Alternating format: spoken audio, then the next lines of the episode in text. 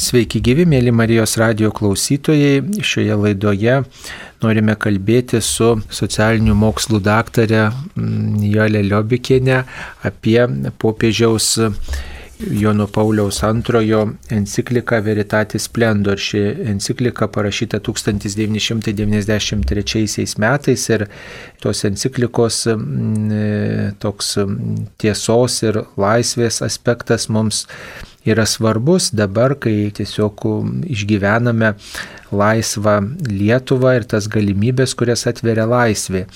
Taigi sveiki gyvi, mėla Nijolė. Labas rytas. E, norime kalbėtis e, štai apie laisvės dovaną. Kodėl laisvės, na, taip mes trokštam ir taip jos ilgimės, o paskui, galima sakyti, tiesos ir laisvės vaisiai taip dažnai apkarsta? Labai e, būtų sudėtinga atsakyti taip trumpai, e, bet e, man atrodo, kad popiežiaus šitą encikliką Veritatis Splendor arba tiesos spindesys turbūt nureikalauja apmąstymo ir tokios nu, analizės, kad ieškotume ir, ir pradėtume suprasti, rasti atsakymus į jūsų ką tik pateiktą klausimą.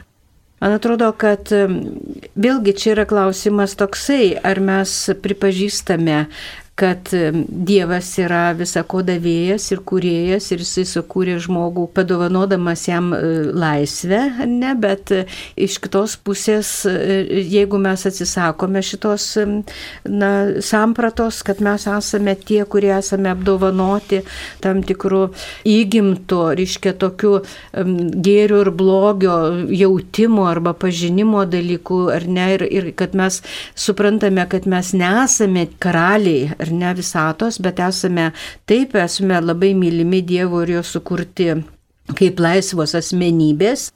Tai žinoma, nuo to atsakymo labai daug kas priklauso ir, ir čia galima sakyti, jo, jo, aš tikiu Dievu, bet jisai savo, o aš gyvenu savo, nes aš esu laisvės žmogus ir darau, ką noriu. Ir ko gero kontekstas šitos enciklikos, popiežiaus enciklikos, kada jisai rašė, buvo toksai, kad po antro Vatikano suvažiavimo vis dėlto moraliniai plotmiai vėlgi buvo labai daug pasimetimo, sutrikimų, tokių perlenkimų kartais į vieną pusę arba į kitą pusę. Ir todėl, reiškia, tuos moralinius klausimus popiežius pradėjo labai giliai analizuoti ir aptarti. Ir būtent va šita enciklika yra ta paskui, kurią vėlgi remiasi visos kitos enciklikos, kurios yra ganėtinai praktiškos, pavyzdžiui, kaip enciklika apie gyvybės vertę. Bet jeigu tu tik tai tą skaitai, bet nesi e, išanalizavęs ir paskaitęs tiesos spindesio, tai tada gali labai pasimesti ir galvoti, tai kodėl čia dabar tas popiežius taip kalba, nes, nu, mes esame laisvi, mes galime dalykus daryti, mokslas pažengia ir taip toliau. Tai va šitoje enciklikoje man atrodo, kad yra labai svarbu, ką popiežius labai labai akcentuoja. Ir pirmas dalykas, skaitant, kas labai krenta į akis, kad sako, pirmas laisvės laiptelis tai yra dekalogas. Ir čia jisai remiasi, aišku, Evangeliją, to jaunuoliu, kuris atėjo ir sako, ką turiu daryti. Ir tada Kristus, reiškia, pateikė ten atsakymą apie tą antros lentelės turinį, kad, reiškia, dekologo santykiai su žmonėmis ar nekokie turėtų būti. Ir tada popiežius sako, vad nuo čia yra pirmas laiptelis į laisvę. Jeigu tu laikaisi Dievo įsakymų, tu jau tą pirmą laiptelį jau lipi tuo pirmu laipteliu. Ir iš kitos pusės jisai sako, bet žinai, laisvė nėra pati aukščiausia vertybė. Jis negali būti virš Dievo. Iškia, Dievas ją mums padovanojo, bet jeigu mes galvojame, kad tik tai laisvė yra viena svarbiausių vertybių ir daugiau nieko, na mes nueinam tam tikrų klaidos kelių ir man atrodo, kad šiandien iš tiesų jo tokie pranašiški pamastymai šitoje enciklikoje mes matom savo gyvenime. Iš kitos pusės, ką popiežius labai gražiai sako, kad laisvė yra neatsiejama nuo tiesos. Tiesa padarys jūs laisvus. Be abejo, kad savo vizito metu jis tą kartojo, ar ne? Tai dabar kitas klausimas, nu tai kas ta tiesa? Ir va čia vėlgi mes atsidurėm, kad tiesa, kokią tiesą mes pripažįstam. Ar mes pripažįstam savo tiesą, kas yra dabar jo? O, aš esu laisvas ir aš turiu savo tiesą. Ir kiek yra žmonių, tiek yra tiesų. Ir tada mes labai patenkam į tam tikras džiunglės ir į tam tikrą nelaisvę, kurią mes patys savo susikūrėm. Todėl, kad tiesiog pasukam ne tuo keliu. Arba aš ieškau tiesos ir tame vat, tiesos ieškojime, į ką aš remiuosi. Ir čia vėlgi popiežius labai gražiai sako apie žmogų, kad Dievas sukūrė žmogų kaip asmenį ir kad mes turime priimti, reiškia, ir naudoti, ir gyventi, ir pažinti, ir mąstyti, ir savo emocijas naudoti, ir savo kūną gerbti, reiškia, kaip, nu taip holistiškai, visumiškai. Ir tada mąstymas šitoj vietoj, ką aš ieškau tiesos. O kas yra tiesa? Juk pilotas klausė Jėzaus, kas yra tiesa. Ir tada, jeigu mes pasiklystame tame atsakyme ir mes galvojame, kad vien tik tai tiesa yra tai, kas kelbia mokslas. Mokslas yra labai svarbus. Bet tada koks jo santykis su tikrai su tiesa, ar ne? Ar aš galiu daryti viską, ką aš sugalvoju, ar aš tiesiog turiu laikytis tam tikros nu, vertybinės, reiškia tam tikros tiesos, kuris sako, palauk, tu negali viską daryti, tu turi žinoti, tu turi gerbti kitą žmogų, ar ne? Tu nesi laisvas daryti eksperimentų su žmonėmis. Ir turi tu gerbti žmogų kaip asmenį ir taip toliau, tada kas yra mano prigimtis ar ne. Ir ta, šitam kontekste ta laisvė man labai siejasi, kad mes turime žinoti tiesą. Pirmiausia, turėtume pagalvoti apie tiesą apie patį save. Kas aš esu? Juk šiandien daugybė žmonių vaikšto klystkeliais, todėl kad jie visiškai nepažįsta savęs. Visiškai, kai tu nepažįsti savęs, tai tu nemyli savęs. Kai tu galvoji, kad tavo vertė nėra Dievo dovana, kur kiekvienas žmogus Dievo kūrinys iš meilės ir, ir, ir kaip tobuliausias kūrinys, jeigu tu galvoji, kad tavo vertė priklauso ne nuo to, nes tu nieko nežinai apie tai, arba nenori primti, bet nuo aplinkos, kaip į tave žiūri, baisu, tada tu eini, kad įtiktum aplinkai Ir tada tu vėlgi pasiklysti ir tada patenki tam didžiulės, reiškia, nuo to savęs nepažinimo ir nevertinimo daugybė, daugybė bėdų šitam pasauliu. Netgi ir žmonės sako, ko mums tuoktis, mes esam laisvi ir va taip mylim vienas kitą ir galim gyventi. Bet kai pasigilini daugiau į tų žmonių gyvenimą, tu matai, kad jie sužaloti nuo vaikystės, kad jie nebuvo mylimi, kad jie nemoka pasitikėti, kai tu nepasitikė savim, negali pasitikėti kitais, tada bandai viską kontroliuoti. Galų gale tu patyrė smurtą, reiškia, kas tai yra ta meilė, reiškia, vėlgi, tai reiškia, tas savęs visiškas nepažinimas ir nemailė savo nepripažinimas, kad aš, aš esu tobulas Dievo kūrinys.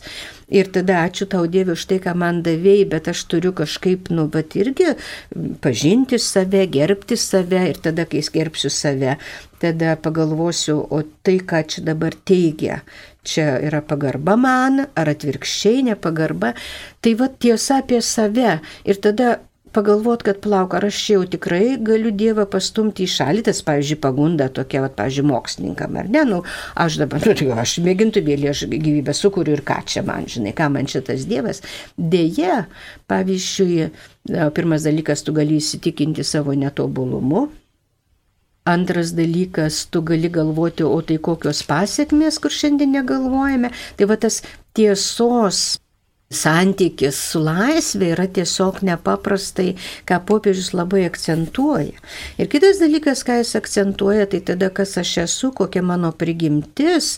Ir tada jisai labai daug kalba šitoje enciklikoje apie sąžinę. Dar norėčiau staptelti ties tą tiesą apie save, kaip jūs sakote, iš tiesų svarbu pažinti save, kas aš esu, kokioje situacijoje, kokios mano dovanos, kokias turiu žaizdas, kokias turiu savybės.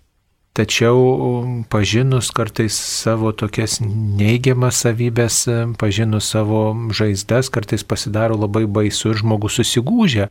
Turbūt nepakanka pažinti tą tiesą, kokia yra apie mane, nes kartais jinai būna labai sunki ir žmogų tiesiog prislėgia. Daugelis žmonių turbūt su ta tiesa gyvena, bet į tokią nevilti puola, kad štai, na, tokioje sunkioje situacijoje esu. Man atrodo, kad mes čia vėlgi priartėjom prie to klausimo, koks yra mano santykis su, ne tik su savimi, bet koks yra mano santykis su Dievu ir su kitais. Ir jeigu aš tik tai pasilieku šį čia, kad aš esu, nu tai ką aš esu toks ir ką aš čia galiu padaryti, nu Tikrai. Kartais mes e, terapijoje ir, ir, ir popiežius jau čia pradeda kalbėti apie vadinamą terapinę kultūrą, kada su kiekvienu žmogumi visuomenė, su visuomenė elgiamas jisai kaip terapeutas elgesi su klientu. Tai kaip pas terapeutą arba pas konsultantą arba kad ir pas kunigą ateina žmogus labai sužalotas, tai ką tu iš karto negali sakyti, kad, nu tai tavo visas gyvenimas, žinai, atsiprašau, tu blogai gyvenai, žinai, ir čia dabar. Tu tada bandai atskleisti, kad, žinai, nu taip, tu turėjai kokių sužalojimų, bet kas buvo gero, ką tu dabar gali pakeisti, ko negali pakeisti, o ką gali iš to. Nes, pavyzdžiui, netgi iš kiekvieno labai blogo dalyko, Yra tokia viena metodika, kur man teko e, mokytis užsienyje, kur žmogus atranda, reiškia, nu ten metodika kalbėjimo ir tada žmogus sako, nu va čia yra va, dalykas, kur va ant žemės, va čia mano gyvenime kaip kokie nuvytę lapai, reiškia, kokie va nuplėšti. Ir tada terapeutas sako, nu taip, bet o ką tu galėtum padaryti gero iš tų, nes atrodo, nu kas čia nuvytę lapai ar ne. Ir tas žmogus galvoja, galvoja, žinot, sako, o yra gero, aš galiu iš jų kompostą padaryti. Ir iškia, ir tas žmogus supranta, tai buvo labai labai blogų dalykų mano gyvenime. Tai žiūrėk, aš galiu padaryti tam tikras išvadas, aš galiu pasidžiaugti, kad aš dabar jindu. Žiūrėk, tai yra, tai yra terapinė kultūra. Tai mes iš karto nepuolam sakyti, čia teisingai, čia neteisingai, nes klientas nepajėgus to priimti. Mes turime jį paruošti, ar ne, mes turime kad jisai pats kažkaip ieškotų. Bet jeigu neturi vilties žmogus, jeigu jis neturi tikėjimo ir neturi vilties, nu taip, tai tada man geriau, aš ir pats žinau, žinai, ir geriau man apsigavinėti, ką aš turiu daryti. Ir vėlgi čia mes atsiriamėm į tai, koks yra mano santykis su Dievu ir ką aš apie tai galvoju. Man atrodo, kad čia esminis dalykas. Ir jeigu tas žmogus turi tą santykį, tai tada jisai ras palengva arba padedamas kieno kunigo, palydėtojo, draugo draugų ar ko nors jisai gali, gali rasti tą didžiulę viltį. Taip tiesa yra tokia. Taip man atsitiko. Bet žiūrėk, aš noriu ir aš stengsiuosi ir gal jūs man padėsite, kad aš galėčiau šiek tiek keistis. Ir tada, ir tada jau atsiranda santykis su Dievu. Ir aš tada sakau, Dieve, aš Nes mat Dievas yra labai gerbinti žmogų. Aš kartais galvoju, jeigu mažiau gerbtų, tai mes čia visi daguvos neįtume, neprievartą, o visi surikiuojam ir einam. Ne. Čia va, ta pasirinkimo laisvė, ką tu renkiesi, tai tada kažkaip žmogus tas gali turėti viltį. Tai aš kažkaip galvoju, kad čia vat, jūs teisus esat, jeigu žmogus pasilieka tame, nu ne, nėra kur eiti. Jam labai skauda, tai jis pradeda arba gerti, arba narkotikus naudoti, kad viduje, čia vidinis skausmas didžiulis. Bet tada kažkaip galbūt jisai gali ieškoti, kas gali jam ištiesti ranką. Ir kartais, nu, vienas koks nors dalykas, kur žmogų vienas, vienas sakinys, kur galbūt vat, visai atsitiktinai žmogus išgirs, kad Dievas tave myli ir tu gali keistis. Tau labai sunku ir atrodo neįmanoma, bet tai, kas praėjo, praėjo. Dabar žiūrėkite, kartais mes labai darom tokį irgi, man atrodo, klaidą, kad arba pasiliekam toj skausmingoj praeitį, arba sakom, užmirškim, užmirškim, čia viskas praėjo. Ne, O tiesa yra tokia, kad jeigu tu neišanalizuosi, kad su tavim pavyko, buvo, neiškalbėsi, neišsiguosi, ne, neapmastysi, tai tu toliau kito žingsnio žengti negali. Nes tas skausmas, jisai, nu, kaip, kaip, kaip, kaip buvo tenai, reiškia, vyksta blogi dalykai. Bet tada leisti žmogui iškalbėti, išsipasakoti, iš, išsiverkti ir sakyti, jo, žiūrėk, taip buvo, tai labai skausminga, dabar mes apie tai kalbėjom, bet dabar žiūrėk, gal mes galime eiti į priekį ar ne, ką mes galim dabar kitaip padaryti. Ir tada jau čia ateina pagalba tam žmogui. Nes terapinėje kultūroje tai yra toksai, nejudinkim jam skaudės. O nieko nekalbėkim apie mirtį su to žmogum. Geriau tegul jisai galvoja, kad jisai pasveiks, viskas bus gerai. Žinai, aišku, terapeutas kompetitingas niekada taip ne, negalvoja. Bet, nu, nesakykim jam tiesos apie jo, kas jo laukia, žinai, tegul jisai va tokiuose iliuzijose gyvena. Tai nepagarba žmogui. Vėlgi tas, tas žmogus turi teisę žinoti ir turi teisę, nu, tada daryti tam tikrus sprendimus. Kai tu žinai tiesą, tai tu gali padaryti ir, irgi tam tikrus teisingus sprendimus. Nes jeigu nežinai tos tiesos, tai taip ir klaidžioji. Tai va tas laisvės ir tiesos santykis. Ir jeigu mes su visuomenė, kaip su klientu, kuris nepasiruošęs, bandom elgtis, tai mes niekada toli nenužengsim. Mes taip ir, ir galų galę mes tada prarandame tą, kas yra svarbiausia, vidinę laisvę. Ir dar vienas dalykas, kuris mane labai, pažiūrėjau, neramina, tai e, tam tikrų žmonių bandymas pasidaryti tiesos monopolį. O taip kaip mes tikime ir kaip mes esame įsitikinę, tai va taip ir yra tiesa. Ir tada jau kovojam už savo tiesą, kaip pasakyti. Nu, jeigu, jeigu į ranką komuniją priima, tai jis į pragarą, čia nediskutuotinas dalykas, ar ne? Kur, nu, nu čia jau toks kraštutinis gal dalykas, ar ne? Arba tai kodėl va, tas popiežius va tai pasakė, tai jis neteisingas ir aš dabar jau čia maždaug kovoju, nes aš žinau tiesą. Man atrodo, kad čia yra vėlgi nežinojimas tiesos apie save, nes tu galvoji, kad tu žinai tiesą, bet tu nesi pajėgus žinoti visos tiesos. Ir tada atsiranda vėlgi, jeigu aš turiu tą tiesos monopolį, tai aš tada atsibandau kovoti, tada aš bandau apriboti kitų žmonių laisvę, nes galvoju, kad aš viską geriausiai ir tada arba iš vienos pusės, arba iš kitos pusės. Ir va čia va ta, ką Jonas Paulius II labai pabrėžia, tai yra sąžinės klausimas. Tada turi paklausti savo sąžinės, ar tikrai, nes viduje, man atrodo, kad kartais va šitie, kurie labai jau taip nukovoja su kitais žmonėmis, nes santykio problema, labai dažnai tam tikras kažkokias tai vidinės, tai tarsi problemas spręstų. Ir tokiu būdu, reiškia, tai perkelimai ar, ar, ar kas nors, nesunku pasakyti, aišku, aš gerbiu jų, jų požiūris ir panašiai, bet, nu, man atrodo, nes popiežius paskui labai gražiai sako, dar trečią kategoriją įsiveda apie meilę kalbą kad laisvė, tiesa ir paskui kalba jis apie meilę. Tai vad vėlgi tai yra labai tai tada klausimas, ar aš su savo teisumu, kaip aš galvoju, nepažeidžiu ta, tai, kas yra meilė. Vėlgi klausimas, kas yra meilė, paskui popiežius kitose enciklikose labai gražiai apie tai kalba. Tai čia pat toks labai sudėtingas dalykas, aš tik tai galvoju, kad mes labai dažnai patys susikūrėme nelaisvę savo dėl tingumo, dėl nežinojimo, dėl nemastymo, dėl pažeistumo ir turbūt vat, popiežius kažkaip ir ragina savo enciklikose, šventasis popiežius Paulius II, vat, būti tuo žmogumi, kuris masto, kuris melžiasi, kuris kūrė santyki. Man atrodo, kad tai yra labai svarbus dalykai. Dažniausiai ieškantis žmogus tiesos atranda Dievą, jeigu sąžiningai ieško tiesos ir, ir tada e, ta tiesa atrasta apie save, apie pasaulį, apie Dievą žmogų iš tiesų išlaisvina. Net ir yra tokie Jono Evangelijos žodžiai, tiesa padarys jūs laisvus, jūs pažinsite tiesą ir tiesa padarys jūs laisvus.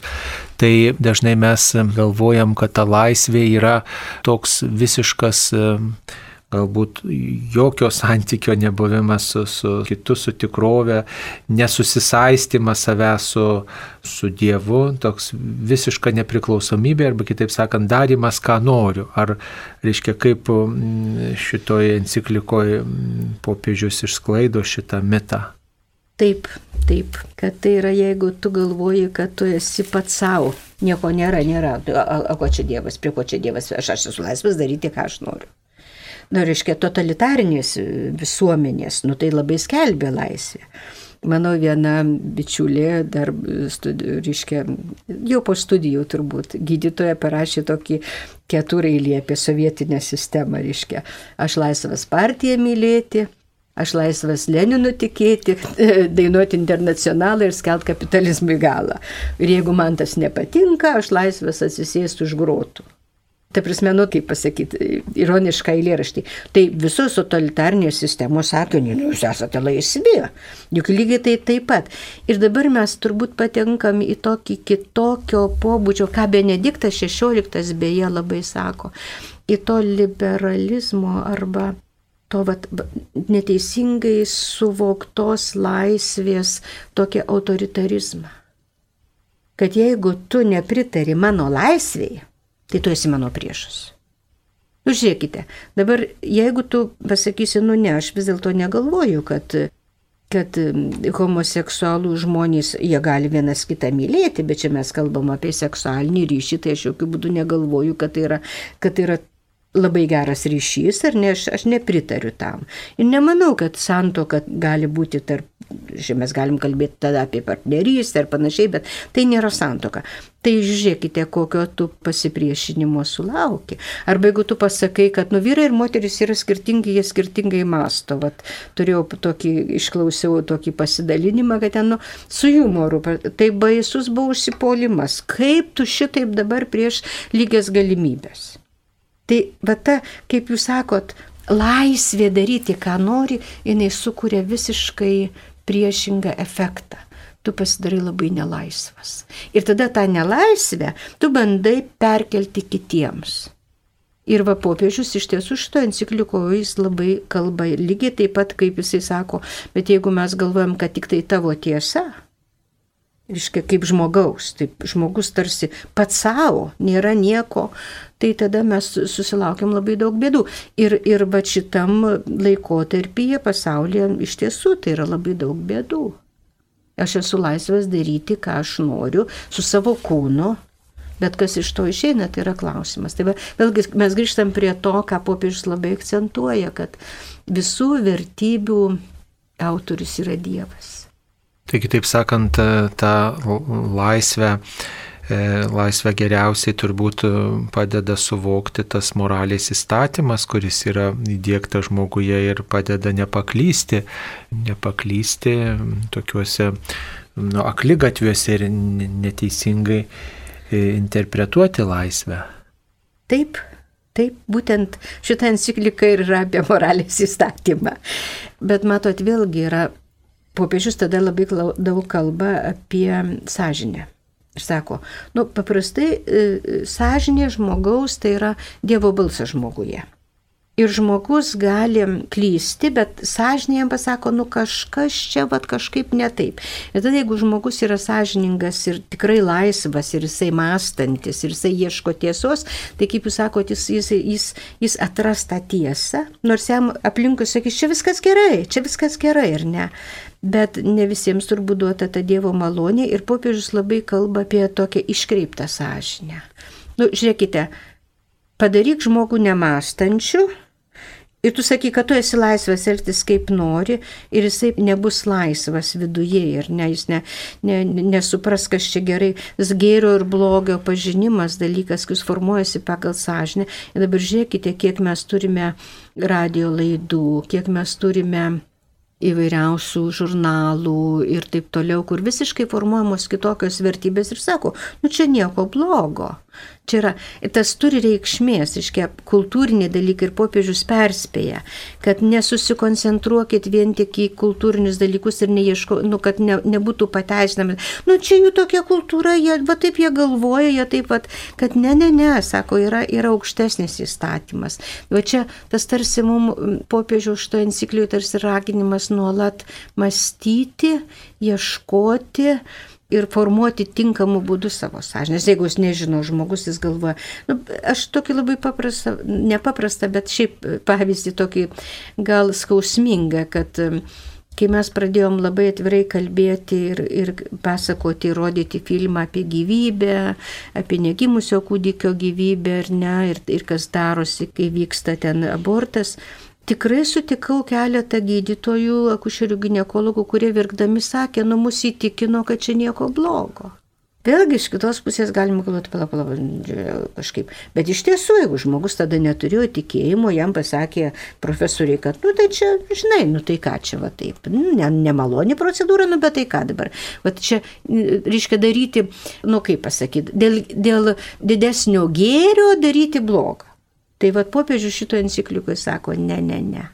Tu negali galvoti, kad blogiu gali papildyti gėrį. Ne, tai va čia, čia gal, gal va, tokie dalykai, čia, čia tokie labai skausmingi procesai, man taip kažkaip um, atrodo, kad mes šiek tiek per mažai apie tai kalbam, rašom ir mastom. Toks apibūdinimas laisvės šiame dokumente popiežiaus enciklikoje, kuri išleista 1993 metais šventojo popiežiaus Jono Pauliaus enciklika Veritatis Splendor tiesos spindesys, e, taip apibūdina laisvę. Tikroji laisvė yra įstabus Dievo atvaizdo žmoguje ženklas, juk Dievas norėjo palikti žmogų jo sumanimo valdžioje, kad jis niekieno neverčiamas ieškotų savo kurėjo ir laisvai jam atsiduodamas pasiektų visišką ir laimingą tobulumą. Taigi tas laisvės suvokimas neatsiejamas nuo, nuo paties Dievo, kuris štai įspaudė atvaizdą mūsų gyvenime, mūsų asmenyje. Ir taip svarbu turbūt atrasti na, tą sąsąją, bet dažniausiai kažkodėl yra priešinama ta, tas Dievo atvaizdas, tikėjimas Dievu ir žmogaus gyvenimas, reiškia, mums atrodo, kad e, laisvė tai yra net ir Dievą atmesti. E, bet paradoksalu, kad, e, kaip ir jūs sakėt, atmesdamas Dievą, žmogus nėra laisvas, jis vis tiek kažkam priklauso ir dažniausiai priklauso savo egoizmui, savo puikybei, savo, savo na, vat, polinkiams ir priklausydami Dievui arba sėdami savo gyvenimą su Dievu, na, gal ir nesam laisvi ta prasme, kad negalim daryti, ką norim, bet tada atsiveria tokia kita perspektyva, mes atrandam na, tikrą į savo pašaukimą, tas galimybės, kokią suteikia. Tai tas priklausimas Dievui, siejimas savęs su Dievu gal ir nėra ta visiška laisvė, kaip daugelis svarsto, bet, bet paradoksaliai atveria tas galimybės. Ar taip galime traktuoti?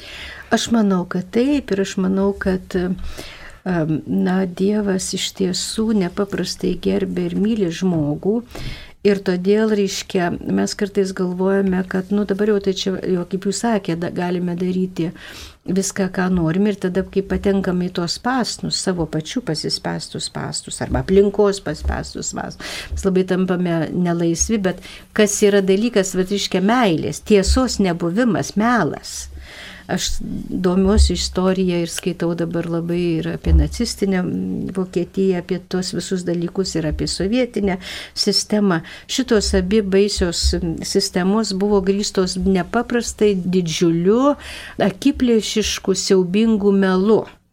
Ir tada, jeigu žmogus patiki tuo melu, jisai tada eina visiškai kita linkme ir tada jisai tikrai galvoja, kad Dievas čia yra toksai, kuris vat už viską baudžia ir taip toliau. Tai čia galbūt va tas ką labai turbūt mes turėtume, nu, irgi pagalvoti kaip krikščionys, reiškia, kaip mes apseiname su melu, vienas dalykas. Bet kitas dalykas, kas man taip dabar atėjo į galvą, kad kartais mes patys, būdami krikščionys ir katalikai, galime padaryti tam tikrą tokią Dievo suteiktai laisviai ir tiesai nu tokias užtvaras savo elgesiu, pavyzdžiui. Savo puikybės pasireiškimų prieš kitus. Vat mes, katalikai, žinote, vat, tai jau mes čia tokie vat, labai išrinktieji, jau, jau visi kiti tai jau čia žinot, jau kaip pasakyti, arba Nu ką ten tas vat kunigas, tai jau ten jisai nelabai ką, o aš tai jau suprantu, aš jau galiu jį pamokyti. Dabar kai kurie žmonės galvoja, kad jie gali ir popiežių pamokyti. O aš galvoju, kad jeigu mes esame, turime tą Dievo laisvę, viena vertus taip, aš galiu savo nuomonę pasakyti, jeigu tai, bet aš vis tiek turiu ieškoti tiesos. Ir aš negaliu elgtis taip, kad užkirščiau kelią Dievo meiliai ir kitiems žmonėms ieškoti tos tiesos ir būti tikrai laisviems, nes mano elgesys iš tiesų gali, gali užtverti, ta, ta, tas daryti užtvaras. Tai kažkaip aš galvoju, kad šitame santykėje, nes vis tiek enciklikoje daug kalbama apie santykį, žmogaus santykį su Dievu, žmogaus santykį su savimi, žmogaus santykį su kitais žmonėmis. Tai man atrodo, kad šitoje vietoje mes tikrai turėtume labai na, tą santyki gerinti ir galvoti, kiek aš esu laisvas ir kiek aš ieškau tiesos ir kaip aš čia galiu pasitarnauti kitiems, bet nu, su meilė nesmergdamas jų ir, ir ne, nepasiduodamas tam tikrai puikybės nuodėm ir taip toliau. Kažkaip man, man, man va čia šitoj vietoj kažkaip tai, ką jūs sakėt, viena vertus jo Tai kodėl tas Dievas dabar ir ta bažnyčia kišasi į mūsų gyvenimą, ar ne? Bet klausimas yra, ar tu tikrai esi laimingas taip gyvendamas? Matot, jeigu pripranta žmonės prie tam tikrų autoritarinių sistemų, tai tada jiem labai sunku pripažinti va tą tikrą Dievo vaikų laisvę. Ir tada jiems yra smagiau, kad, nu, va, jeigu jau čia taip būtų gražtai pasakytų, va, taip, žinai, va, tu, tai va, čia būtų daug geresni rezultatai, bet kažkaip man atrodo, kad Dievas gerbdamas kiekvieno žmogaus laisvės duoda jam laiko ir galimybių ir ieškoti tiesos ir taip toliau. Tai kažkaip nežinau, jeigu lyginti Dievo suteiktą laisvę Bet žinoma, galima pasakyti, nu tai ką, tai, tai, va, tai, tai nacijai ir komunistai ir ten visi kiti reiškia, tai ką jie naudojasi savo laisvę, kabutėse en, engti kitus. Bet čia matai jau tada visa sistema sugriūva. Kai jie, jie, jie negalvojo, kad yra Dievo laisvė suteikta, jie pasėmė tą laisvę, jie uzurpavo ir darė, ką nori. Ir tada istorija mums pasako, kur tas gali mus nuvesti. Dabar yra, ačiū Dievui, karo nėra gulagų nėra, e, koncentracijos stovyklų nėra, bet yra tie vidiniai gulagai ir koncentracijos stovyklos, kur žmonės netgi jiems, nu kaip pasakyti, sako, gerai, gerai, tu, oi, tu, tu manai, kad tai yra teisinga, tai viskas tvarkuoja, tai tu ir manai, bet tai nėra teisinga ir tada Ir tada, vat, kad parodyti tą vat, santykį su tiesa, kad tu būsi, vat, kaip jūs tik citavote, kad tiesa padarys jūs laisvus, tai jeigu mes to neduodam, tai irgi tam tikrą prasme mes uždarom. Sakom, jau gerai, tai jeigu tu taip galvoji, jeigu tu esi laimingas, tai viskas tvarkoji, bet tai va čia vėlgi mes atsidurėm į santykio problemą. Bet turbūt šiais laikais ypatingai tas tiesos ir laisvės suvokimas labai toks subjektivus tampa, kai na, tų tiesų gali būti daug ir tų laisvės suvokimų gali būti daug. Gal todėl, kad mes nei tiesos to suvokimo, nei laisvės suvokimo nesėjam su Dievu, bet siejam su savo, savo patirtim, su savo požiūriu. Taip, popiežius labai daug rašo šitoje enciklikoje jis an analizuoja. Taip, iš tiesų, mes, jeigu mes atmetam tą vertikalų matmenį, Nes kaip vertikalus matmo žmogaus yra su Dievu. Ir tada iš to vertikalinio matmens išeina tas horizontalinis matmo. Tada aš santykiai su kitais kuriu. Dabar atmetam tą vertikalų matmenį. Nu, tai čia žinai. Tai tada tas horizontalus matmuo jisai pasidaro labai subjektyvus. Ir tada daugybė tiesų, kaip aš galvoju, tai popiežius šito encikliko jau labai persirgsti, kad vis dėlto tai nėra taip kad jeigu mes sakom, kad mano tiesa ir tavo tiesa, ir čia viskas yra tiesos, tai tada mes esame pasiklydę kaip tas ežiukas rūkė. Ir va čia jau yra taip, kad, kad nu vis tiek tu turi labai gerai pamastyti. Ir žinote, tada dėl tų tiesų, tai mes kartais jau pradedam ir kauti žodžiu, tavo, mano tiesa geresnė, tavo tiesa dar kažkokia tai ar ne, ir žiūrėkite, kas dabar darosi visuomenėje, ir čia mano tiesa, tai aš čia jau žodžiu, aš čia tu, tu, jeigu ta mano tiesa, kaip aš galvoju, tai tu esi blogas, nes tu turi kitą tiesą. Ir kažkaip nekeliamas klausimas, o kokia yra Dievo įdėta tiesa? Ką Dievas apie tai sako? Ir čia yra didžiulis pasimetimas. Popiežius labai daug apie tai rašo savo enciklikoje, iš tiesų. Tai yra subjektyvu.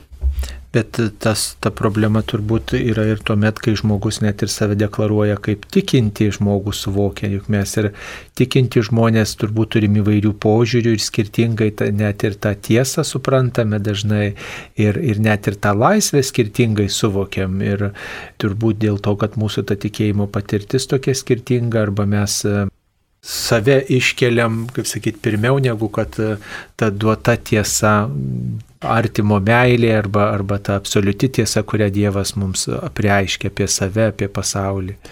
Aš manau, kad taip, žmogus labai, nu, kaip vienas poetas rašė kažkada, žmogus tai skamba išdidžiai. Tai vad, jeigu žmogus atmeta, iš, iš kitos pusės matot, ką reiškia, aš tikiu Jeigu tikėjimas nekeičia tavo gyvenimo ir požiūrio tiek į save, tiek į kitus ir mano santykio nekeičia, tai tada ir koks tavo tikėjimas. Tai va čia man atrodo, kad per 50 metų nu, labai mūsų tikėjimui pakenkė ir kartais ta tokia kultūrinė krikščionybė, ar ne, jinai dabar labai yra ryški, nes mes tiesiog, nu jo, o taip visi daro.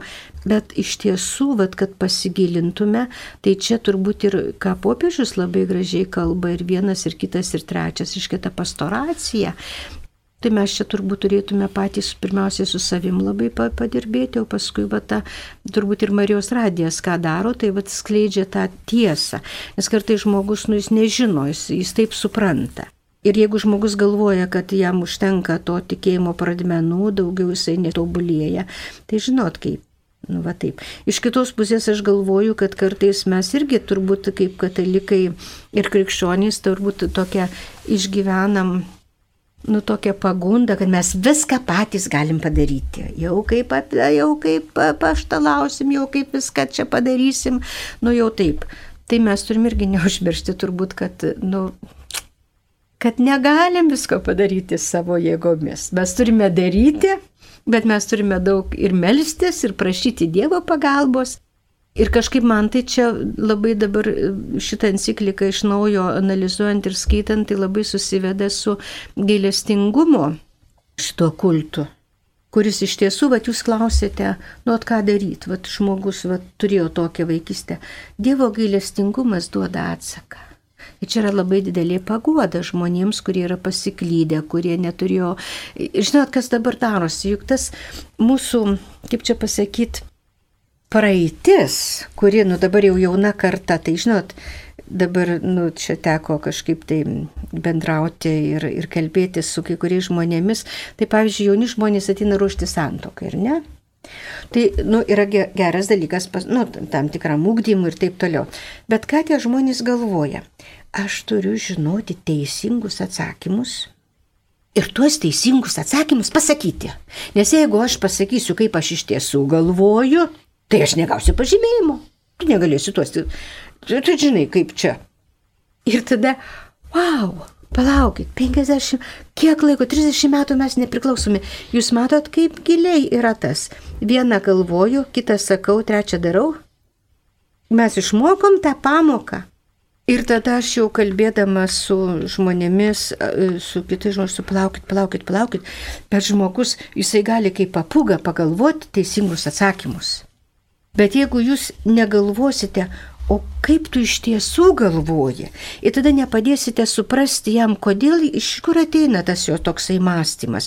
Ir nepateiksime jam tam tikros tiesos apie dalykus, nu, pavyzdžiui, apie, nu, ir sako, nu gerai, tai ką čia dabar neįgalų žmonės taip kenčia, našta visuomeniai, tai gal geriau, kad jie negimtų, nu, yra tokia nuomonė. Ir tada tu negali sakyti, tu nežinai tiesos. Nes jie išmoks, kaip reikia atsakyti.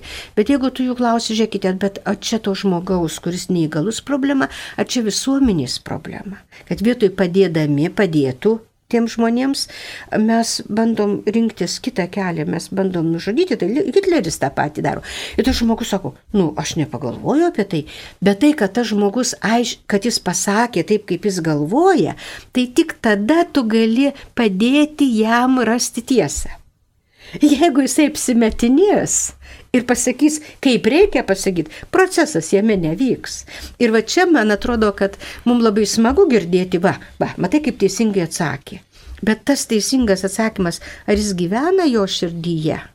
Ir visai normalu nesuprasti, Nu, aš nesuprantu, kodėl va čia taip reikia. Ir tada mes galim patys ieškoti ir prašyti Dievo pagalbos. Ir, ir vienas iš tokių gražiausių Benedikto XVI turbūt sustikimas su vaikais buvo. Ir vienas vaikas paklausė, kodėl ten kažkaip ar ten daug skausmo, ar ten, ar ten mirčių. Ar, ir popiežius sako, aš nežinau vaikelį. Tikrai tik Dievas tą žino.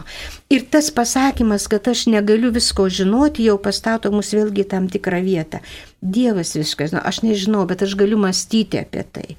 Ir man atrodo, kad va čia yra labai, nu, mums toksai paraginimas ir patiems ieškoti tiesos ir skatinti kitus tos tiesos ieškoti, o nereikalauti teisingų atsakymų. Tai kažkaip kalbant apie tiesą ir laisvę, apie tiesos suvokimą, turbūt neišvengiamai reikia minėti Kristaus asmenį, kaip e, štai popiežius atremia šitas savokas į Kristų. Taip, Nes matot, vėlgi, mes ir pradėjom nuo to, jeigu nėra Dievo, jeigu mes netikime į atpirkimą ir mes netikime, kad Kristus atėjo iš meilės, reiškia, mūsų atpirkti ir, ir dabar rodo savo gailestingumą, mes neturim kur eiti. kalbant apie senatvę dabar, ne, nu, senėja visuomenė. Žiūrėkite, nu mes lyg ir laisvi. Laisvi vaikų negimdyti. Arba gimdyti ten vieną, du, laisvi jų neauginti kartais, laisvi, kabutės mūsų laisvi. Bet šiandien mes matome rezultatus. Iškia, mūsų ta suvokta subjektyvi laisvė, jinai niekur neveda. Ir tiesa yra ta, kad, nu, ar, ar žmogus yra vertybė. O kodėl jis mums turi būti vertybė? Nu, vertingės tas žmogus, kuris ten, nu, vat, va, nu, normalus, va, mokslininkas ar šiaip darb, darbininkas. Nu, o ten tie visi, va, tokie, va, blogiečiai, tai, nu, tai, o tai kodėl ar ne? O tai kodėl mes čia dabar turim jais rūpintis? Ir kyla labai, ir tas, va, visas, va, tas mūsų pastatas, jisai labai, ir dabar žiūrėkite, demografinė krizė. Tai ką, tai, va, tai mes jau turim rezultatus tos subjektyvios laisvės. Ir jeigu mes atsiriamėm į Kristų, tai tada ir senatvį mes galime sakyti, Dieve, tu mane myli ir aš atrandu gyvenimo prasme. Bet man teko skaityti vieną dabar nesenai išleistą airių romaną airių rašytojo, tai ten, žinokite, nu taip labai, va, 21 amžiaus e, tos vadinamos laisvės subjektyvios, e, kur žmogus galva, tai tas žmogus jau senas, jisai ten jau jo žmona mirė ir jisai galva, nu tai ką, nu tai aš laisvas vadaryti, kad jau nebūčiau našta nei savo, nei kitiems ir jisai baigė gyvenimą savižudybę. Jis reiškia taip galvoja. Tai va, jeigu mes gal einam šitą prasme, kad tai yra subjektyvu, tai yra mano tiesa, tai aš ją susikūriau, tai tada visas tas, kaip pasakyti, karkasas ar ne. Ir jeigu aš neturiu į ką atsiremti, nu tai į ką aš atsiremsiu, nu tai kas čia. Tas vat, Dievas, nu tai kažkaip jau taip, o Jėzus Kristus tai yra asmuo, kurį mes galime pažinti per Evangeliją ir tai yra labai realus asmo, ar ne, kaip jis gyveno, kaip jis kalbėjo, kaip jisai elgėsi ir net, net iš meilės už mus pasirinko ir, ir, ir atpirko kryžiaus. Tai reiškia, va, tas iš tiesų tas, tas nesirėmimas į Kristų arba, reiškia, jisai mus nuveda į šunkelius.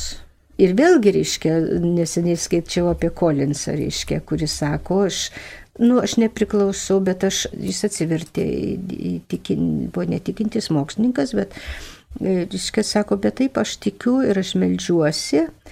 Ir ko gero jisai tiki Kristų, ne? Nu, ta prasme, kad šiandien negali atmesti tų dalykų kažkaip tai, nes tas mums kaip žmogiškom būtybėm, tas Kristaus asmuo iš tiesų jisai turbūt yra toks labai uždegantis, padedantis suvokti Ir, ir jo, čia, čia iš tiesų, čia ir labai gilu. Tame mato Evangelijos e, skyriuje, mato 19 skyriuje, kuriame kalbam apie turtingą jaunuolį, kuris e, norėjo būti tobulas ir kurį Kristus kvietė išdalinti savo gerybės ir sekti paskui jį, paskui Kristų. Yra taip pat toksai sakinys mm, visai pabaigoje, kad Dievui nėra negalimų dalykų, Dievui viskas įmanoma. Tai net jeigu žmogus nesugeba sekti Kristumi, net jeigu žmogus pataikauja savo instinktams, savo prisirišimams, savo aistroms ir galima sakyti nėra laisvas, bet vis dėlto mm, Dievas gali padėti jam padėti jam atrasti tiesą apie save, gali padėti turbūt suvokti, kas yra tikroji laisvė ir turbūt nėra ne vieno nurašyto žmogaus, kuris net negalėtų atrasti Dievo, reiškia, atrasti tiesos apie Dievą, tiesos apie save ir taip pat negalėtų atrasti, suprasti, priartėti prie tos tikrosios laisvės suvokimo. Jeigu jis yra laisvės ieškoti ir norėti. Bet Dievo sakinys tas, kad Dievui viskas įmanoma, tai reiškia net ir tas, kuris na, nenori ieškoti, galbūt Dievas kažkurio gyvenimo metu jį paskatins, atvers akis ir padės Taip, ieškoti. Ga, visiškai, nu, absoliutiškai jūs teisus čia ir tikrai taip, bet yra dar vienas dalykas, kur man, mane visada stulbina. Tai ta Dievo pagarba žmogui ir žmogaus pasirinkimui. Iškeis tarsi klausys, tarsi siunčia ženklus. Jis tarsi, bet jūs sakot, lab, aps, taip, ir popiežius apie tai rašo, ir mes tuo tikime, kad visada Dievas gali. Bet jeigu žmogus susispirusiai sako, ne, ne, ne, ne, ne, žinai, jo, jo, čia, ne, ne, ne, tai, bet Dievas tada kažkaip ir leidžia jam, nu, su, turbūt su skausmu. Bet, bet kad tokią galimybę Dievas siunčia ir kartais per labai skausmingus dalykus. Geriausiai tą iliustruoja, reiškia, lygustomis priklausomybėmis sergantis bet kokia lyguista priklausomybė. Dažniausiai, nu, man, man teko bendrauti su alkoholizmu sergančiais, bet yra lošėjai, gal ir kiti, kurie tapo blaivus. Nu, ta prasme, jie nenaudoja, jie, aišku, serga tai visą gyvenimą, bet jie blaivus ar ne. Ir ką jie pasakoja? Labai gražiai pasakoja ir ne vienas. Sako, nieko man ten nereikėjo, nei mato Dievo nereikėjo, nei aš melstis mokėjau, nei ten, žinai, ten kažkada kas nors ten mane mokė maldų, bet aš viską buvau užmiršęs. Ir aš jau gyvenau kaip gyvenau ir buvau patenkintas, nes ten visokių buvo ir turtingų, kur ten paskui viską per gelkrę praleido. Ir tas žmogus atsidūrė tokioj dilemoj, kad, reiškia, jisai sako, nu, vat, dažnai, kodėl vyrai labai dažnai nusižudo sergantis alkoholizmu. Jis prieina prie tokio taško, kad jau ir gert nebegaliu, jis tą suvokia, jau nebegaliu gert, bet ir negert negaliu. Ir tada man aklavietė reiškia. Aš negaliu negert, bet, bet ir gert negaliu. Tai ką man daryti ir dažniausiai nugrėbėsi virvės, ar ne. Bet, bet tų uh, bičiulių, kurie, kurie to nepadarė, jie labai aiškiai sako, nu buvau, pažiūrėjau, viena ponė pasakoja, buvau pasiryžusi Jeigu jau kitaip nėra, šiaip taip jau šešis mėnesius išbuvau negėrus, bet daugiau nebegaliu, tai jau nusižudysiu, jau susiruošiau, kad negaliu taip. Ir staiga sako kažkokia mintis. Kitas vyras lygiai taip pat pasakoja. Nemokėjau melstis, nieko ne, ne, bažnyčia nevaikščiau, bet pamačiau kryželį kažkur langė, reiškia, gal, gal močiutės palikta. Kitas žmogus sako, nežinau kodėl. Staiga kritau ant kelių ir sakau, Dieve, jeigu tu esi, padėk man, aš nenoriu daugiau gerti, tu man padėk, aš. Ir, ir nenusižudė, ir nustojo gerti, nes rado anoniminius alkoholikus, reiškia, kur pradėjo vaikščioti. Tai vad, man atrodo, kad va čia tas va žmogaus šauksmas, aš jau nenoriu taip gyventi. Dieve, padėk man. Ir tu dur, ko gero, per kančią Dievas labai, nu, va taip, nu, kažkaip, va, nu, gal... gal padeda tu, padė, atrasti tiesą. Padeda atrasti tiesą, nes šiaip tai Dievas, nu, toks nu, vat, vat, jisai gerbė žmogaus pasirinkimą, nes, nes vat, tame romane, tai ten žmogus sako, nu viskas, aš pasirinkau, žinai, aš nieko nenoriu, žinai, jo, nu tai tegul jisai tau Dievas taip būna, aš pripažįstu jį, bet vat, aš pasirinkau, aš esu laisvas pasirinkti ir tada, ko gero, vat, Dievas yra atmenta. Tai čia toksai pamastymų turbūt kiekvienam žmogui, nes mes bijom kančios Ir Dievas nėra kažkoks sadistas, kuris mus kankintų, bet tam tikri dalykai skausmingi, jūs labai gražiai sakėte, jie gali leisti Dievui stumtelėti, ieškoti laisvės ir tiesos. Ir, ir čia yra didelė Dievo dovana.